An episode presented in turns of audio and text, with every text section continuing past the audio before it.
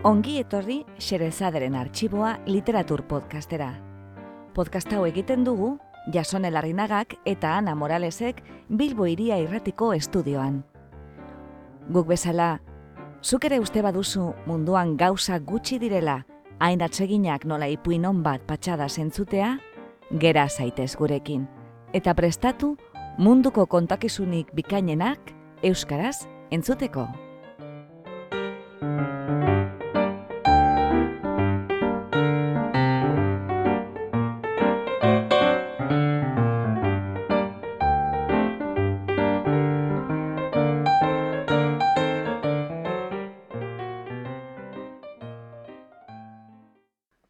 Gaur, Xerezaderen arxiboan, Logalea.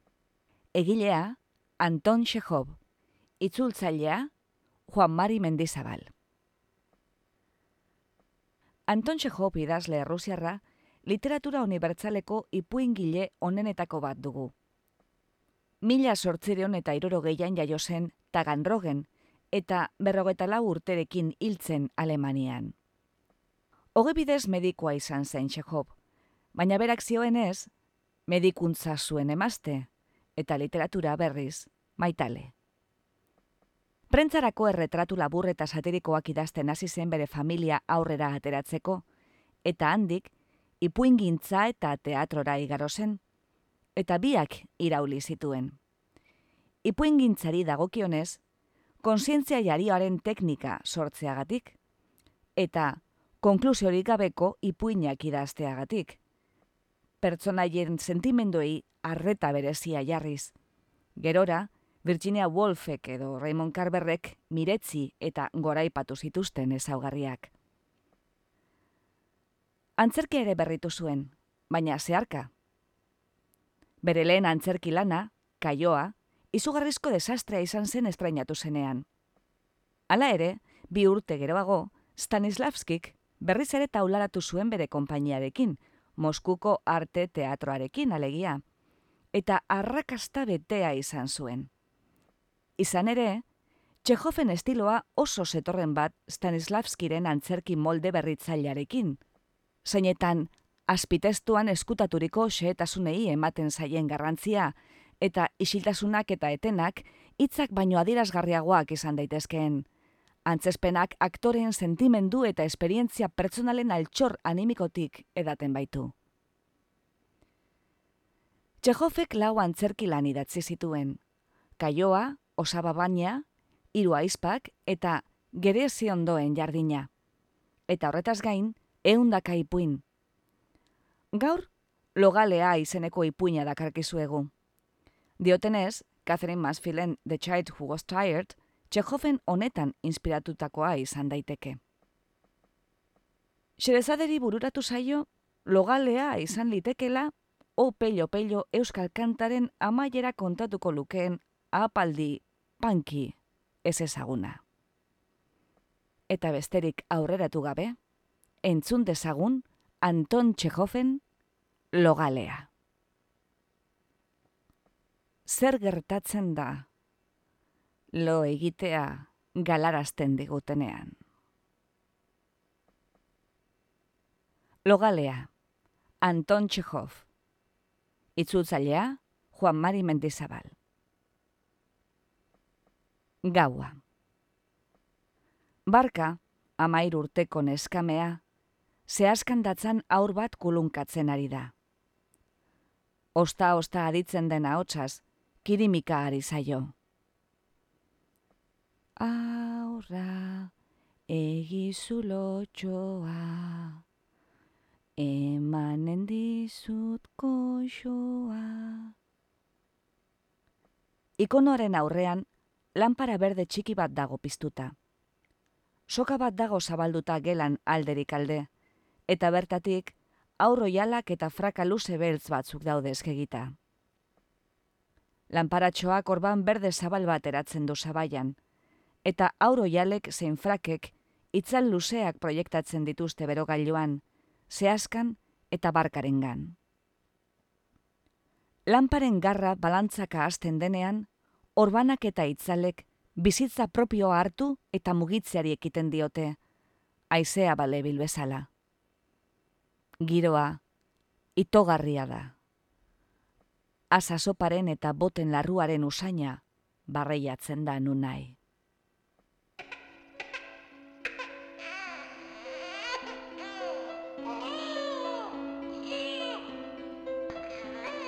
Aurra negarrez dago. Luzaro darama aituta eta marranta negarraren poderioz. Hala ere, negarrez jarraitzen du. Ezin jakin, noiz isilduko den. Eta barkak lo egin nahi du. Begiak izten zaizkio, burua abailtzen zaio, mina du lepoan ezin ditu betasalak eta Espainiak mugitu. Gorputza lehorra begitantzen zaio, egurrezkoa bezalakoa. Eta burua txiki txikia, horratz baten burua betzain txikia. Aitak bat eta amak bi, ari da urrumaka. Zergakuak amabi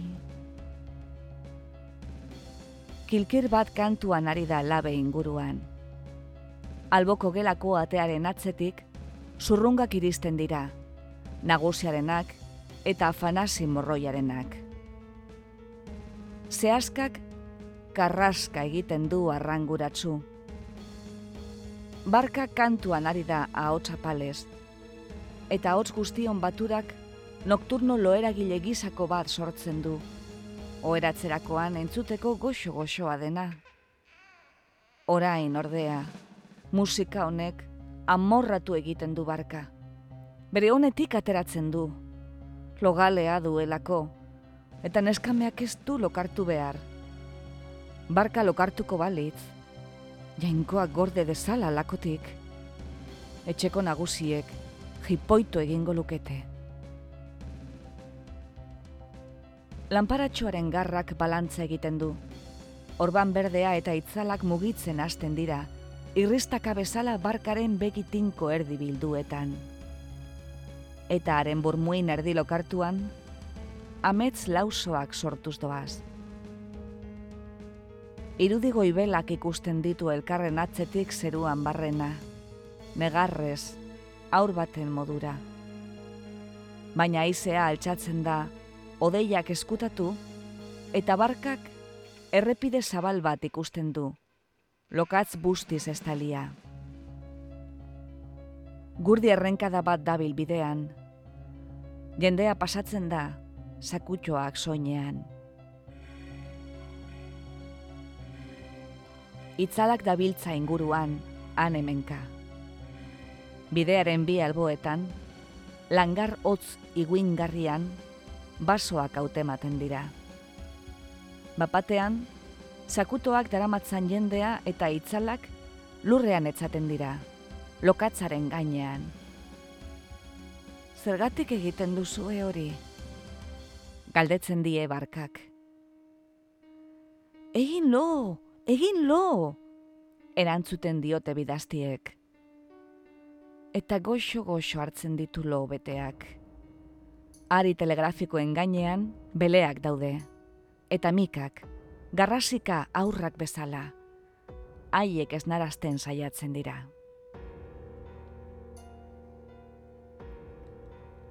Aurra egizu lotxoa, xuxurlatzen du barkak. Emanen dizut koxoa. Eta orain, basetxe goibel batean ikusten du bere burua, bertako bero itogarrian.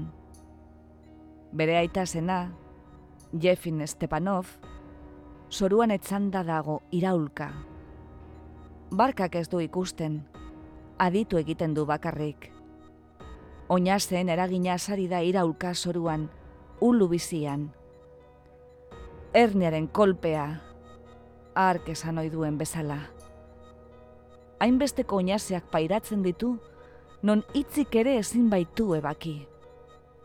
Airea biriketaratu besterik ez du egiten, eta haren hortzek danbor arrada etengabe baten modura egiten dute, karrask, karrask, karrask.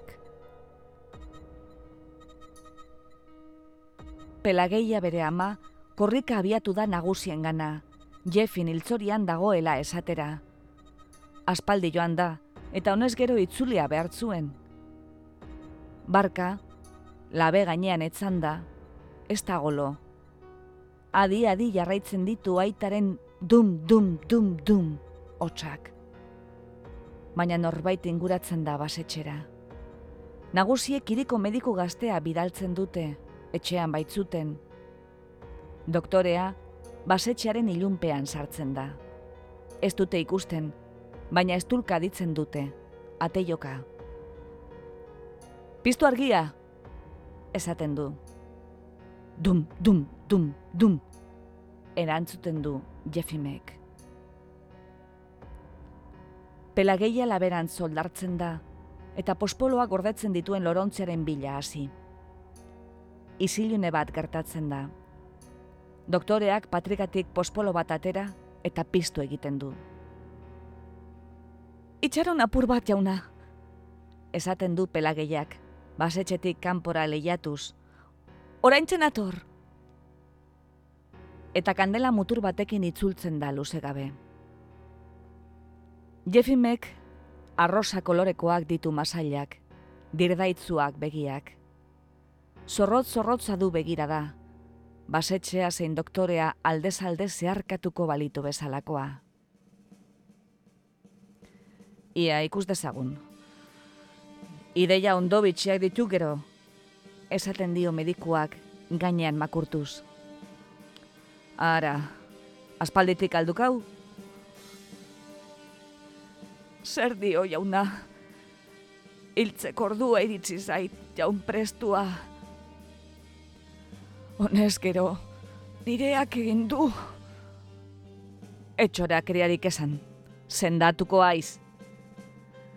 Berorrek alabadio, apaltasunez estimatzen diot, baina egin bezakontu.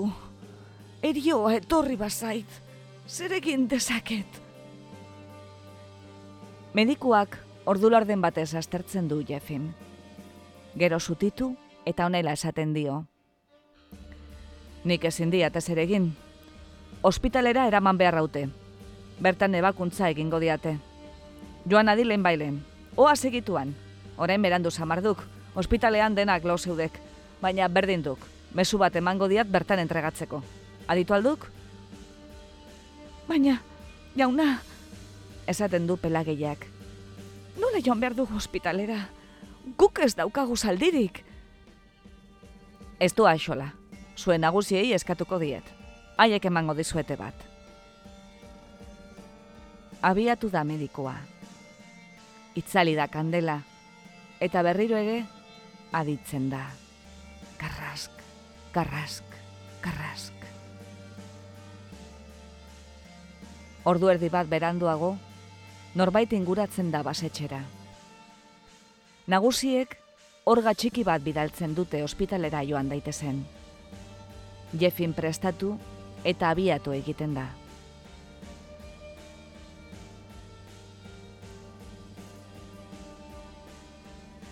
Goiza argi eta eder iristen da. Pelageia ez dago etxean. Ospitalera joan da, Jefimi nola doakion jakitera. Non edo non, aur bat negarrezari da, eta barkak bere ahotsa duen norbait aditzen du, ahopetik abesten. Aurra egizu lotxoa, emanen dizu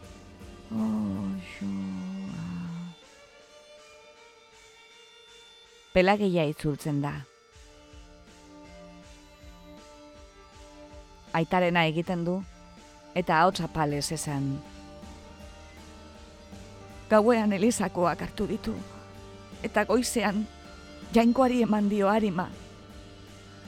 Zeruko erresuma eta betiko bakea arenak bitez. Berantu egi aztertu dutela diote.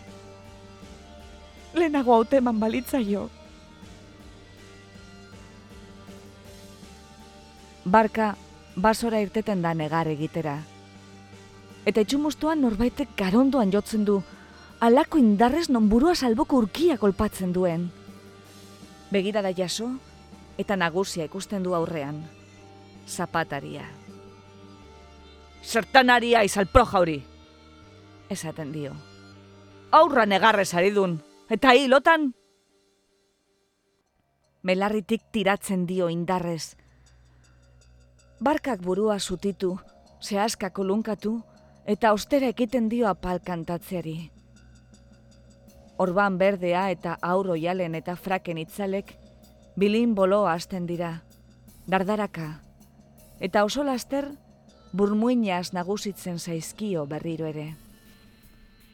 Ostera ikusten du lokasturiko bidea, sakutuekiko pertsonak eta etzaniko itzalak lobetean daude. Barkak, haiei begiratuz, egundoko logalea sentitzen du.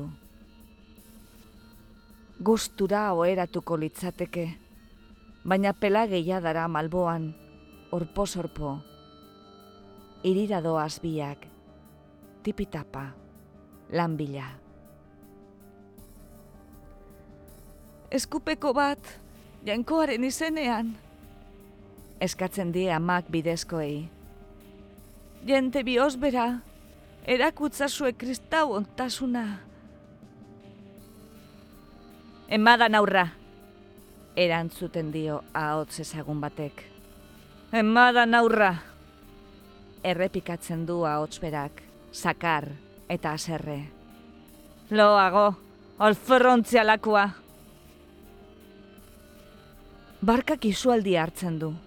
Ingurura begiratu eta dena ulertzen du ez dago biderik, ez pelageia zein bidezkorik. Etxeko Andrea dago bakarrik. Gelaren erdian, aurrari bularra eman nahian. Sorbalda zabaleko emakumeak titia emanez aurra lasaitzen duen bitartean, barka zutik dago, ari begira, noiz bukatuko zain. Leioen atzean, airea urdintzen hasi da. Zabaiko itzalak eta orban berdea nabarmen zurbilduz doaz. Oso laster, goiza izango da.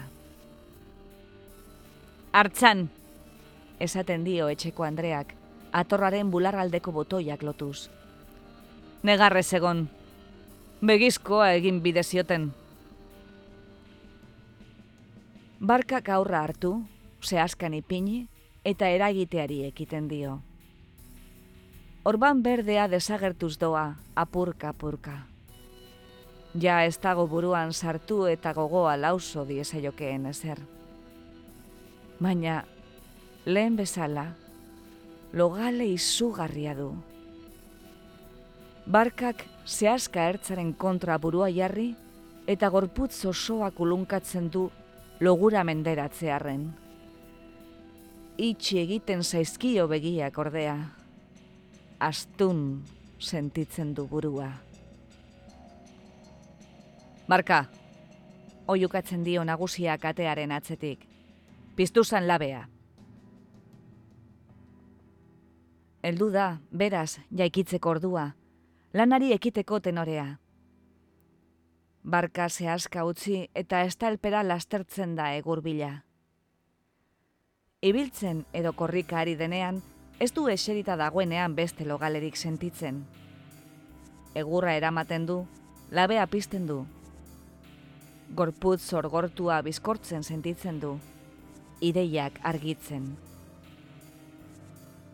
Barka, esaten dio etxeko Andreak, presta esan samo barra. Barkak egurra txikitzeari ekiten dio, baina espalak piztu eta beko zuan esarri ordurako, beste agindu bat iristen zaio. Barka, garbitzan naguseren oinetakoak. Zoruan esertzen da eta zapata garbitzen ari dela, otutzen zaio ondo legokela burua oinetako handi sakonean sartu eta lo pixka bat egitea. Eta supituki zapata handitu egiten da, pustu, gela oso hartuz barka keskuila erortzen usten du, baina burua zutitu Begiak zabal-zabal ireki eta tinko begiratzen saiatzen da, gauzak handitu eta begien aurrean dantzan hasi ez daitezen. Barka, garbiesan ateriko eskilera. Lotzagarri zegon, zer esango dute bezeroek. Barkak eskailera garbitzen du. Gelak txukuntzen ditu. Bigarren zutegia pizten du. Eta gero zenbait sartu atera egiten ditu dendara, presaka. Lan ugari dago. Minutu bateko astia ere etzaio geratzen.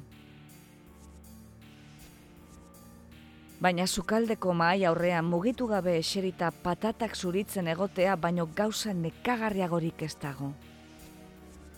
Burua, mahairantz makurtzen zaio. Patatak dantzan hasten zaizkio begien aurrean. Labana eskuetatik erortzen zaio. Eta etxeko andre gizen gaiztoa inguruan dabilkio biraka, maukak bilduta, hain ozen izketan, non belarriek burrumba egiten baitiote. Latza da oro bat afalorduan maia zerbitzatzea, gobada egitea, jostea. Tarteka, soruan etzan eta lo egin besterik ez du nahi izaten, kosta la kosta.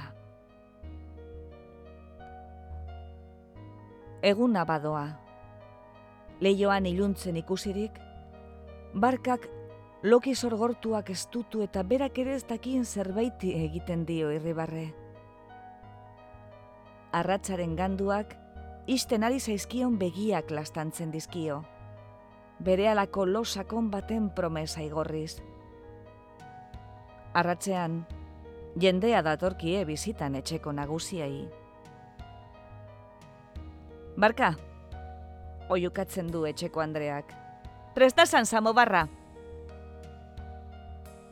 Nagusien samobarra txikia da. Maikide guztiak zerbitzatzeko, bost aldiz piztu behar izan du. Tearen ondoren, barka geldi-geldirik geratzen da leku berean. Jendeari begira dago, aginduen zain. Barka, oa hiru botila garagardo bila. Barkak adore susten du bere lekua, eta bizkori biltzen saiatzen da, logura usatu nahian. Barka, oa bozka bila. Barka, non dago kortxok kentzekoa? Barka, prestaitzan sardintzarrak. Azkenean, abiatu dira bizitariak. Argiak itzaltzen dira. Nagusiak oheratzen dira. Barka, zehazkatu txikia azken agindua da.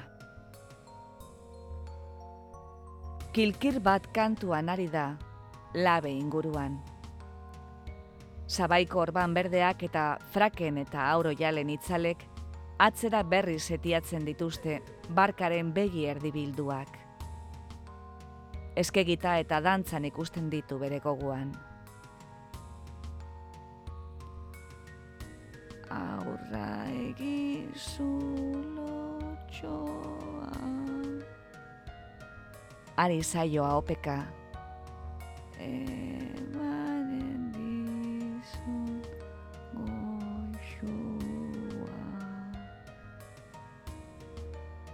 Baina aurra, negarrez ari da, negarrak akituta. Barkak berriz ikusten du bide lokastua, sakutxoak daramatzan jendea, bere ama, Jefin bere aita. Dena hartzen du begipean, denei antzematen die. Bere losuma horretan ordea, ez du ulertzen ze indar ari zaion beso zangoak lotzen, zerk zapaltzen duen, bizitzen utzi gabe. Ingurura begiratzen du, indar hori bilatu nahian, hartatik libratzearen, baina ez du aurkitzen azkenik, abailduta, indar guztiak zorrosten ditu, begirada solitzen du, sabaiko orban berde dantzariari so geratzen da. Eta, negarrei arreta eginez, aurkitu egiten du bizitzen usten ez dion arerioa. Aurra du arerio. Barrez azten da. Arritu egiten da alako gauza simplea lehenago ulertu ez izanaz. Badirudi, orban berdea, itzalak, kilkerra bera ere, barrez daudela, arrituta. Irudien gainagarria, barkaz nagusitzen da. Aulkitik altxatu eta irribarre zabala Espainetan, begira da jaitxigabe, batera eta bestera hasten da gelan barrena. Beso zangoak lotuta daukan aurraren gandik bere ala libratzearen ideia kilimatzen du, atsegin emanez. Aurra hil eta gero, lo, lo, lo. Barrez, begiak kliskatuz eta orban berdea atzamarras mehatxatuz, barka behatz puntetan inguratzen da zehazkara, eta aurraren gainean makurtu.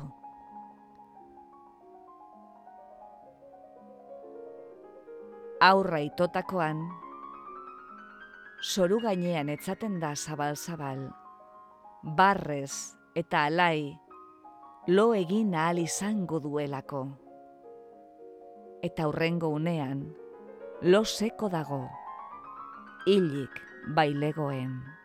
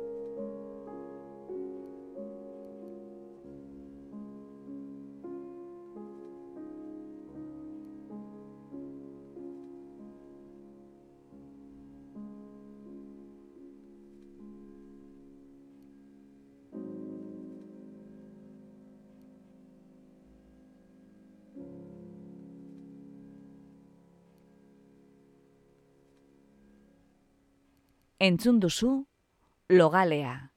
Egilea, Anton Txehov. Itzultzailea, Juan Mari Mendizabal.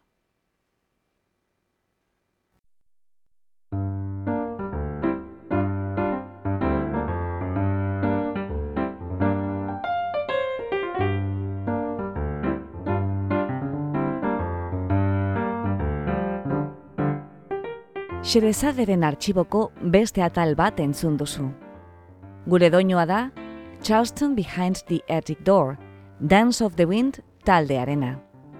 Besterik adierazi ezean, gure musikak jamendo.cometik hartuak dira, eta soinu efektuak berriz freesound.cometik ateratakoak. Podcast hau egiten dugu Jasone Larinagak eta Ana Moralesek Bilbo Iria Irratiko estudioan. Gure audioak online entzuteko edo eskuratzeko eta podcastaren arpidedun egiteko, bilagaitzazu iTunesen edo joan gure blogera irubebikoitz.blogak.com barra isa a lp. Irriketan gaude zure iritzia jakiteko eta zure gurariak betetzeko. Beraz, gure blogera soazenean, eza astu iruzkina ustea eta irakurgai proposamenak egitea. Eskerrik asko gurera hurbiltzeagatik. Gustora egon bazara, etorri urrengo batean berriz ere, Xerezaderen artxiboa literatur podcastera. Laster arte!